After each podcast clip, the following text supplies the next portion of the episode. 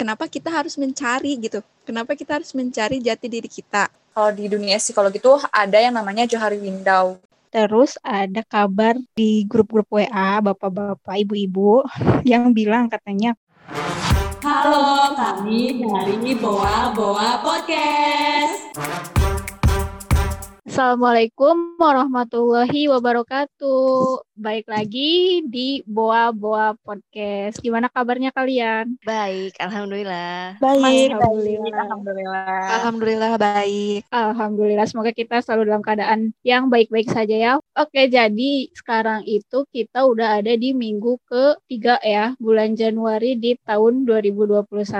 Nah, mau bahas apa sih di Boa Boa Podcast kali ini? Kali ini tuh sebenarnya tema yang uh, meresahkan bagi diri aku secara pribadi mungkin ya dan pengen sharing gitu sama kalian teman-teman dari Boa-Boa mungkin bisa jadi menambah pengetahuan buat aku sendiri dan tentunya bagi pendengar semua. Jadi temanya itu tentang jati diri. Kenapa sih? Karena uh, di usia yang sekarang ini nggak tahu aku yang telat, nggak tahu memang ini usia-usia yang rawan gitu ya. Uh, kita itu lagi mikirin mau apa sih tujuan hidup kita gitu ya atau kita itu ngapain sih hidup kayak gitu. Dan pertanyaan dasarnya itu buat kita cari tujuan hidup kita adalah dengan cari tahu dulu jati diri kita kayak gitu ya Nah, mengenai jati diri nih, mungkin kalian udah pernah gitu ya mengikuti atau kajian atau apa pun itu baca dari mana pun sumbernya. Apa sih jati diri menurut kalian? Menurut aku, jati diri itu sesuatu yang unik yang ada dalam diri kita. Jati diri itu apa ya? Kayak mirip-mirip sama kayak Hera sih, kayak keunikan ya, keunikan seseorang atau lebih ke karakter orang itu seperti apa apa, terus mungkin nilai-nilai yang dia bawa ya, value-value yang dia tetapkan dalam hidup dia itu apa, yang diterapkan di diri dia yang dia percaya. Ya mungkin ada dari yang lain Kak. Karena aku pernah dengar gitu ya. Kalau misalnya dihubungkan dengan religiusnya, kita tuh belum mengenal Tuhan kita kalau misalnya kita nggak tahu jati diri kita itu siapa. Nah, gimana tuh? Mungkin ada definisi yang emang lebih ngena gitu? Kalau misalnya menurut aku ya, menurut aku jati diri itu sesimpel kenal sama diri kita sendiri sih. Mau itu hal yang unik atau seminimalnya sesimpel kita kenal sama diri sendiri itu di dalamnya itu tadi kata Rani ada nilai, ada keyakinan, terus ada tadi hal unik yang Hera sampaikan. Tapi kalau misalnya aku berpendapat jati diri itu sesimpel kita kenal sama diri kita sendiri sependapat sama yang tadi udah disebutin, tapi mungkin pendapat lainnya kayak uh, jati diri itu siapa kita dan jati diri itu yang membedakan kita sama orang lain gitu. Jati diri setiap orang kan pasti beda. Nah, hal itu yang membedakan kita sama orang lain itu ya bisa dibedakan. Mm-hmm. Apa ya lebih enaknya kayak siapa gitu ya, siapa diri kita itu. Tapi buat nyari yeah. siapa diri kita tuh kayaknya sulit ya, ya gak? Hmm. Iya. Nyambung dari perkataan Zia tadi, menurut kalian sebenarnya jati diri itu dicari atau kita sendiri yang ngebentuk jati diri kita sendiri sih? Menurut aku ya, menurut aku dua-duanya. Uh, jati diri itu dicari dan juga di tadi apa? Dibentuk ya. Mm-hmm. Dibentuk. Aku juga pernah ngobrol sama teman psikologi teman fakultas psikologi aku. Jadi proses uh, mencari jati diri atau proses mengenal, aku sebutnya proses mengenal diri sendiri ya. Itu tuh berjalan selama kita hidup. Jadi kalau misalnya kita atau banyak orang di sini yang mengkhawatirkan aku belum mengenal diri aku nih dan itu tuh apa ya hal bisa dibilang hal normal karena kita nggak akan pernah sepenuhnya menemukan jati diri kita karena proses untuk mengenal dan proses mencari itu tuh seumur hidup kita gitu karena manusia itu kan dinamis ya. Manusia itu dinamis bisa berubah karena lingkungan, karena teman. Makanya lingkungan dan teman itu juga bisa membentuk jati diri kita. Makanya jati diri atau identitas kita itu bisa kita pilih kita mau seperti apa dengan memilih lingkungan kita dari segi hal membentuk. Terus yang aku tahu juga mencari nah cara tahu mencarinya itu kayak gimana. Jadi uh, kalau di dunia psikologi itu ada yang namanya Johari Window. Nah, si Johari Window itu membagi individu menjadi empat kotak gitu seperti jendela. Ada yang kotak pertama itu ada yang aku ketahui dan orang-orang ketahui. Terus kotak kedua itu ada yang aku nggak ketahui tapi orang lain ketahui, ini konteksnya sama diri kita ya. Terus kotak ketiga itu ada yang aku ketahui tentang diri aku tapi orang-orang nggak tahu dan yang terakhir itu ada yang kita nggak tahu dan orang-orang nggak tahu. Aku juga pernah dapat webinar tentang itu ya. Jadi sebenarnya setiap orang punya empat jendela itu sebenarnya. Cuman lebih dominan yang mana itu tuh yang mempengaruhi. Jadi setiap orang tuh emang punya jendelanya masing-masing yang tadi disebutin sama Rika itu, tapi yang dominannya yang mana. Nah, itu yang ngebedain kita sama orang lain. Emang yang yang lebih bagus itu ya apalagi kalau yang udah tahu jati diri itu yang kita tahu dan orang lain tahu sama yang orang lain nggak tahu kita tahu. Jadi yang pentingnya itu kita tahu diri sendiri. Sebenarnya proporsinya itu bagus yang itu. Cuman nah untuk bisa membuat proporsi itu yang bagus itu yang emang kita harus cari biar apa ya kita tuh punya proporsi yang memang bagus buat kita bisa mengenal jati diri sendiri itu kan tadi ya hmm. emang bagusnya semakin luas area yang kita ketahui dan orang-orang lain ketahui itu semakin baik. Nah, tugas kita tuh untuk menggali atau mencari jendela-jendela lain misalnya apa nih yang nggak kita ketahui tapi orang-orang ketahui. Nah, kita bisa cari dengan ya cari tahu dengan ngobrol dengan nanya gitu. Kalau misalnya pun jendela-jendela lain yang misalnya kita nggak tahu dan orang lain juga nggak tahu. Nah, itu juga perlu kita cari seiring berjalannya waktu gitu loh. Jadi emang misalnya di umur kita tuh ngerasa belum kenal sama diri kita sendiri gitu. Dan itu tuh it's okay gitu karena proses untuk uh, mengenali diri sendiri atau kenal sama diri sendiri atau mencari jati diri itu emang berlangsung selama seumur hidup. Misalnya kita saat ini kita udah ngerasa kenal nih sama diri kita sendiri. Misalnya aku orangnya pemalu misal terus aku orangnya uh, sulit beradaptasi misalnya kayak gitu. Nah itu tuh bisa jadi value atau nilai yang emang kita rasain di sekarang dan itu tuh bisa aja berubah di kemudian hari. Jadi kenal sama diri sendiri atau jati diri kita tuh bisa berubah-ubah seiring berjalannya waktu begitu. Ada orang yang emang kita nggak sadar kalau kita berubah. Yang bagus itu setiap perubahan setiap yang terjadi pada diri kita tuh kita sadar akan diri kita. Misalnya aku yang tadinya kayak gini berubah jadi kayak gini. Karena kan perubahan itu hal normal ya. Maksudnya kalau kalau orang nggak berubah itu hal yang patut dipertanyakan gitu. Berarti jati diri kita tuh sebenarnya ada yang tetapnya juga nggak? Kan tadi ada yang berubah-ubah ya. Tapi ada nggak sih jati diri yang emang jadi dasar sifat-sifat kita lainnya gitu yang nggak berubah-berubahnya tuh ada nggak sih? Menurut aku sih ada, cuman ini masih pemahaman secara kasar dari aku gitu. Jadi jati diri yang tetap kayak gitu ya, itu tuh ketika kita tahu kalau misalnya dari segi spiritual ya, itu tuh kalau misalnya kita tahu kita itu diciptakan oleh sang pencipta itu sebagai apa Nah, jadi aku tuh uh, dengar istilah dari salah satu dosen aku. Aku ya misalnya, aku itu di jurusan pendidikan kan. Berarti kalau misalnya itu benar-benar jurusan yang aku kuasai, aku pahami dan aku sukai gitu ya dari awal, berarti itu tuh jati diri aku yang Tuhan ciptakan sebagai kepanjangan tangan Tuhan gitu. Jadi itu tuh yang benar-benar intinya dan gak bisa berubah-ubah kalau misalnya kita itu benar-benar menekuninya. Kebayang nggak? Hmm Kebayang, kebayang, kebayang. Tapi berarti itu mungkin ya yang agak sulit ditemukan oleh orang-orang. Apa itu maksudnya ya? Iya, kayaknya mm, sih sulit kan kadang kalau misalnya secara realita aja kita ngambil satu jurusan ya kalau misalnya kita kuliah itu kadang ada yang gak sesuai kan kayak gitu ya. Mungkin nah di situ itu kita belum menemukan jati diri kita, ya gak sih? Mm -hmm. Karena butuh waktu ya, butuh proses gimana kita beneran sesuai atau enggak sama diri kita itu butuh waktu untuk memahaminya mungkin ya. Iya tuh. Oh, bener. Aku mau nanya deh, kan ada ya istilah yang tadi sih, yang tadi udah diomongin, mencari jati diri gitu ya, proses mencari jati diri. Nah, kan tadi di pengertian di awal gitu kalau jati diri itu emang udah melekat sama diri kita gitu. Maksudnya jadi jati diri itu kayak karakter gitu kan. Nah tapi kenapa kita harus mencari gitu? Kenapa kita harus mencari jati diri kita? Terus yang kedua seberapa penting kita mencari jati diri? Ngerti nggak? Ngerti. Wow. Tapi aku mau nanya deh ke Aisyah.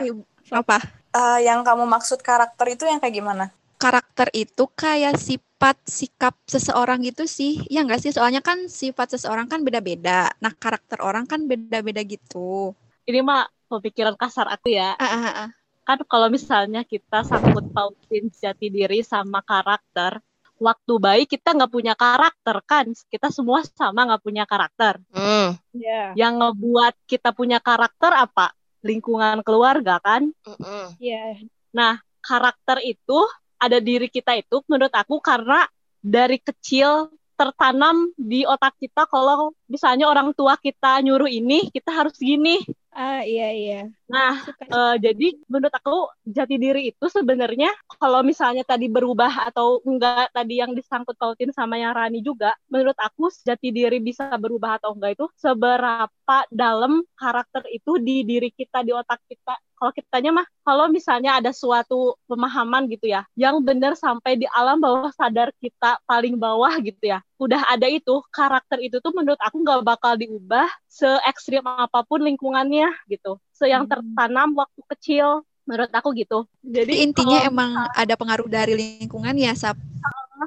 Jadi karena menurut aku mah apa yang ditanam di keluarga pas waktu kecil itu yang ngebuat karakter dasar kita karakter dasar ya misalnya yang benar-benar jati diri kita menurut aku gitu terus yang seberapa penting ya menurut aku penting karena kan tadi kenapa harus nyari jati diri? Karena menurut aku kan pas waktu tadi aku bilang waktu kecil kan kita ngelakuin itu tanpa sadar gitu. Kan waktu kecil kayak kesadaran diri kita kan maksudnya nggak terlalu tinggi kan jadi kayak oh ya udah ngelakuin gini gini gini gini sifatnya keluar gini gini gini. Nah sementara pas udah dewasa kita punya kesadaran diri yang lebih tinggi kayak ih aku teh kalau kondisi gini kenapa bisa gini ya? Gitu. Jadi udah mempertanyakan diri sendiri emang fasenya kita untuk mengenal diri sendiri gitu. Makanya kan emang waktu kita SD SMP ngomongin jati diri kan kayak sesuatu yang Tabu gak ya. familiar banget gitu kan. Tapi pas Iya, waktu udah SMA pas kuliah gitu baru familiar karena menurut aku emang udah fasenya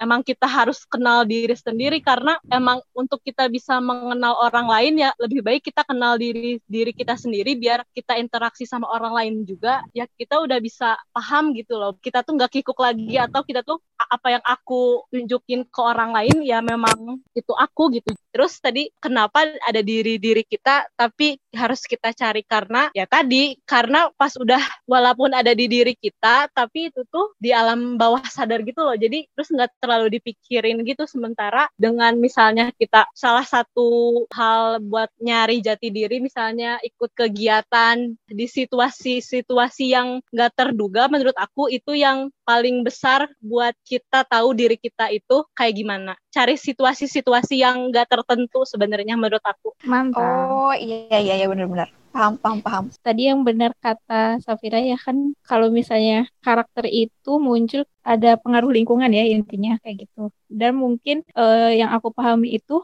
apa yang kamu punya atau karakter yang kamu bawa dari kamu kecil itu bisa jadi itu tuh bukan kamu banget gitu. Ngerti gak sih? Jadi kayak ya itu tuh bukan diri kamu. Jadi emang perlu dicari gitu. Ai. Iya benar-benar Ji. Tapi setuju sih sama Safira yang tadi bilang ikut organisasi biar ada di situasi-situasi yang kita nggak pernah ngalamin itu atau ada situasi genting yang kita emang nggak pernah ngalamin gitu. Dan bisa jadi sebenarnya pengalaman juga sih pas ada di situasi yang nggak pernah aku alamin terus kayak menemukan oh ternyata ketika di situasi kayak gini respon aku tuh ternyata kayak gini oh ternyata kayaknya kurang baik deh kalau misalkan aku ngelakuin hal itu harusnya aku tuh gini gini gini itu menurut kalian termasuk menemukan jati diri juga nggak sih? Menurut aku sih iya. Heeh sih aku juga jadi mikirnya emang bener juga sih kayaknya kita juga harus menempatkan di suatu kondisi yang kita sebelumnya belum pernah alamin gitu buat tahu gimana respon kita terhadap situasi-situasi yang kayak gitu. Iya, setuju banget. Nah, itu mungkin selaras sama yang pertanyaan dicari atau dibentuk. Nah, mungkin itu juga jadi salah satu pencarian ya dengan mengeksplor diri. Mungkin nggak nggak hanya di organisasi ya, di mana pun mengeksplor diri buat mencari situasi-situasi yang belum pernah kita alamin karena kalau misalnya kita nyaman-nyaman aja, kita tidak menemukan situasi atau pengalaman yang baru gitu. Tidak Ya. berkembang. Iya, ha, gitu. Jadi ya perlu dicari juga tadi mungkin nyambung juga ke si Aisyah yang kenapa harus dicari karena uh, selain selain dari sapi sama Hera yang tadi, kenapa harus dicari? Karena ada banyak hal, experience atau pengalaman yang kalau kita nggak ngalamin itu, kita nggak akan tahu reaksi kita itu kayak gimana. Makanya kita harus cari biar kita makin tahu nih kita tuh orangnya kayak gimana. Kita tuh merespon sesuatu dengan kayak gimana. Makanya perlu dicari karena jati diri itu nggak pure dilahirkan walaupun misalnya dari didikan juga ada tertanam tapi mungkin itu hanya sebagian dari luasnya kemungkinan jati diri kita gitu. Karena masih banyak hal yang nggak kita ketahui ya yuhu. Tujuh DNA juga beda. Oh ya nyambung juga sama yang tadi nggak sih yang seberapa penting kita menemukan jati diri? Ya kayak gitu juga nggak sih? Kalau misalkan kita udah ngalamin suatu kondisi yang belum pernah kita alamin terus kita tahu respon kita kayak gitu misalkan kurang bagus. Nah mungkin di waktu-waktu yang akan datang kita menemukan hal yang serupa udah tahu gitu gimana sih cara kita merespon hal tersebut. Setuju. Tadi kan kita udah ngobrol ya tentang pencarian jati diri. Aku bingung deh penasaran, penanya ke kalian. Kapan seseorang tuh disebut uh, sudah menemukan jati dirinya? Sedangkan kan pencarian jati diri aja kan seumur hidup kita ya. Tapi kapan seseorang tuh ini aku udah nemuin jati diri aku kayak gini gini gini gini gitu sesimpel dia tahu kenal sama diri diri dia sendiri dia bisa mem memetakan apa yang aku tahu dan orang-orang tahu apa yang aku tahu dan orang-orang nggak tahu, apa yang aku nggak tahu tapi orang-orang tahu, apa yang orang-orang nggak tahu dan aku juga nggak tahu gitu. Ya, ketika kita bisa memetakan walaupun misalnya poin-poin yang kita tahu itu sedikit, itu kita sudah punya poin bagus untuk bisa disebut mengenal diri kita sendiri gitu loh. Berarti jawabannya ada di diri sendiri ya, nggak bisa kita uh, nyebut, oh kamu mau udah menemukan jati diri kamu karena jawaban menemukan jati diri itu ya di, ada di diri sendiri nggak sih? Mm -mm, mm -mm, Ya dan nggak bisa dibandingkan gitu loh. Misalnya poin yang aku tahu tentang value aku tuh ada segini, sedangkan uh, Hera tuh udah lebih banyak misalnya gitu. Itu tuh nggak bisa dibandingkan karena uh, waktu kita sadar aja beda gitu. Mungkin aku sadar ketika aku umur 19 tahun, mungkin Hera sadar, oh aku tuh orangnya kayak gini tuh di umur 17 tahun. Tapi mungkin semakin cepat akan semakin baik. Kalau menurut aku yang pertanyaan Ran itu seminimal uh, kita tahu sifat kita baik buruknya, terus um, kalau disangkut pautin sama yang empat jendela tadi, seenggaknya kita tahu dua jendela yang kita tahu orang lain tahu dan kita tahu orang lain nggak tahu seminimal itu. Soalnya yang jendela yang orang lain nggak tahu dan kita nggak tahu itu ya yang pas waktu aku dapat materi tentang itu ya itu tuh emang di situasi ekstrim banget. Waktu itu tuh contohnya itu sifat dari yang orang lain nggak tahu dan kita nggak tahu itu ketika misalnya kita di situasi kita ngebunuh orang tanpa disengaja jadi misalnya ada di situasi kita teh lagi di kondisi diancam. Ini nggak tahu ya, aku lupa lagi contohnya gimana. Tapi misalnya sampai di situasi kita ngebunuh orang itu, itu tuh yang di mana orang lain itu pasti nggak nyangka kita bisa ngebunuh orang itu dan sebenarnya kita juga nggak nyangka bisa ngebunuh orang itu. Nah, karena di situ itu emang jendela yang itu tuh, kalaupun misalnya dicari pun, menurut yang aku uh, sedapat dari uh, webinar itu, emang itu tuh situasi ekstrim banget itu sampai sifat itu tuh bisa keluar gitu. Jadi kalau dari pertanyaan Rani seminimal kita tahu sifat yang kita tahu orang yang tahu dan sifat kita yang cuman kita yang tahu gitu. Mm, mm, mm, I see. Thank you guys. Mantap ya memanas. oh iya yang ngerti. Jadi cara kita mengenal diri kita sendiri itu kalau misal dilihat dari empat jendela emang gak pernah hilang dari kata interaksi dengan lingkungan ya. Ya nggak sih kalau kita mencari jati diri kalau dilihat dari empat jendela itu kita mencarinya itu bersama dengan orang lain gitu. Ya nggak? Ih bener. E -e. Iya pasti interaksi sosial Berarti. itu yang ngeluarin sifat itu. Mm -mm. Berarti cara kita mencari jati diri gak akan pernah hilang dari kata lingkungan. Iya. Carian jati dirinya, Ya. Tapi keturunan ngaruh ya. Tapi kan emang kalau keturunan itu balik lagi interaksi sama keluarganya mungkin ya, kesehariannya di rumah gitu-gitu. Nah, iya bener. Keturunan teh maksudnya emang gen yang ada di dalam diri kita em atau emang eksternal di diri kita? Diri kita. Internal berarti. Aku mikir bener-bener genetik, bener-bener pure genetik tuh sangat kecil sih menurut aku. Karena walaupun misalnya ada sekalipun gitu ya, tetap aja perlu ada interaksi sama orang tua. Maksudnya itu yang merangsang si anak untuk mengeluarkan atau apa ya, mengekspresikan istilahnya mah kalau gen-gennya ya yang ada di tubuh dia itu tuh perlu dirangsang oleh interaksi antara keluarganya itu gitu. Balik lagi sih kayaknya yang banyak berpengaruh tetap ke kalau dari keluarga pun tetap dari rangsangan interaksi itu lingkungan deh kayaknya. Kayak kepintaran gak sih 10% gen, 90% usaha? Iya, budget lah pokoknya gitu banget masuk itu juga. Karena kalau dari kecil pun nih, misalnya dari kan ada orang yang bilang dari semenjak janin pun, oh biar merangsang misalnya otak dia gimana gimana gitu, kepribadian dia juga kan tetap aja rangsangannya itu dari gimana si ibunya tuh ngetrit anaknya kan. Tetap aja di sana tuh ada interaksi antara si ibu sama anaknya entah itu misalnya diapain ke di di apa ya ada perlakuan lah antara si ibunya ke anaknya itu. Iya sih berarti emang tetap ada pengaruh dari lingkungan ya kalau mencari jati diri. Mm -mm, mm -mm, ya benar-benar.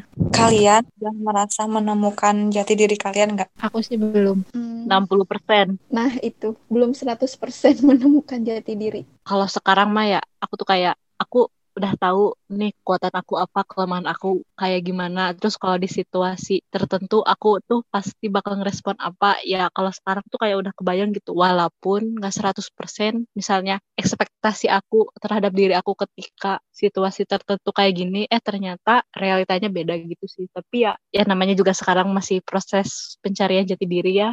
Jadi ya masih terus mencari, masih terus mengenal diri sendiri. Uh, tentang mencari jati diri. Nah, kita tuh mencari nih, mencari jati diri, mencari jati diri, mencari jati diri. Kita nemuin emang gak 100% kita menemukan jati diri kita. Tapi setelah kita menemukan beberapa puing-puing jati diri kita, apakah jati diri yang udah kita temuin itu bisa hilang? Bisa. Ketika kamu sudah merasa itu bukan kamu, hanya hilang, ya enggak? iya. Nggak dipertahanin Jadi, lagi gitu maksudnya ya? Iya. Jadi kan jati diri kita tuh ada yang negatif sama ada yang positif kan. Nah kan emang kodratnya manusia emang memperbaiki diri gak sih? Jadi ya yang negatif-negatif tuh masih bisa kita perbaiki berdasarkan kemauan dirinya sendiri gitu. Jadi sebenarnya bisa hilang atau enggak bisa gak sih? Bisa. Iya, karena kalau misalnya nyambung ke yang tadi yang kata Rani yang awal tuh, nilai-nilai. Ya kan nilai-nilai itu pasti kita juga menyesuaikan gak sih sama nilai-nilai yang baik tentunya. Jadi mungkin aja ketika perjalanan mencari jati diri itu prosesnya gak sesuai dengan nilai nilai yang baik itu ya gak kita pertahanin. Iya, tapi aku mah lebih ke pendapat bukan dihilangin tapi di ditahan jadi nggak 100% hilang tapi ya seenggaknya kita bisa mendem yang negatif itu 99,9999999 persen gitu jadi menurut aku mah nggak 100% hilang tapi ya memang bisa ditekan dengan usaha gitu. Lanjut nih, apa ada lagi yang masih mengganjal? aku mau nanya, aku mau nanya. Oh, Oh iya, sak-sak. Kan tadi kita kayak setuju ya, kalau buat nyari jati diri itu ada interaksi sosialnya. Nah, selama pandemi ini, kan interaksi sosialnya sangat menurun ya. Kalian selama pandemi ada nggak sih uh, usaha buat nyari jati diri walaupun interaksi sosial sosialnya kecil? Kayaknya justru dengan tantangan interaksi sosial yang kecil itu membuat pengalaman baru buat diri kita sendiri sehingga banyak hal-hal baru yang terungkap gitu yang kayaknya duh aku juga baru tahu ternyata diri aku gini gini gini gini gitu kayaknya dari berbagai pengalaman termasuk hmm, interaksi sosial yang sedikit ini juga bisa mengungkap ya sedikit banyaknya jati diri kita lah yang dulu-dulu mungkin belum terungkap. Atau jangan-jangan bukan interaksi sosial. Eh coba interaksi sosial apa sih guys? Interaksi itu antar manusia ya? Uh, iya.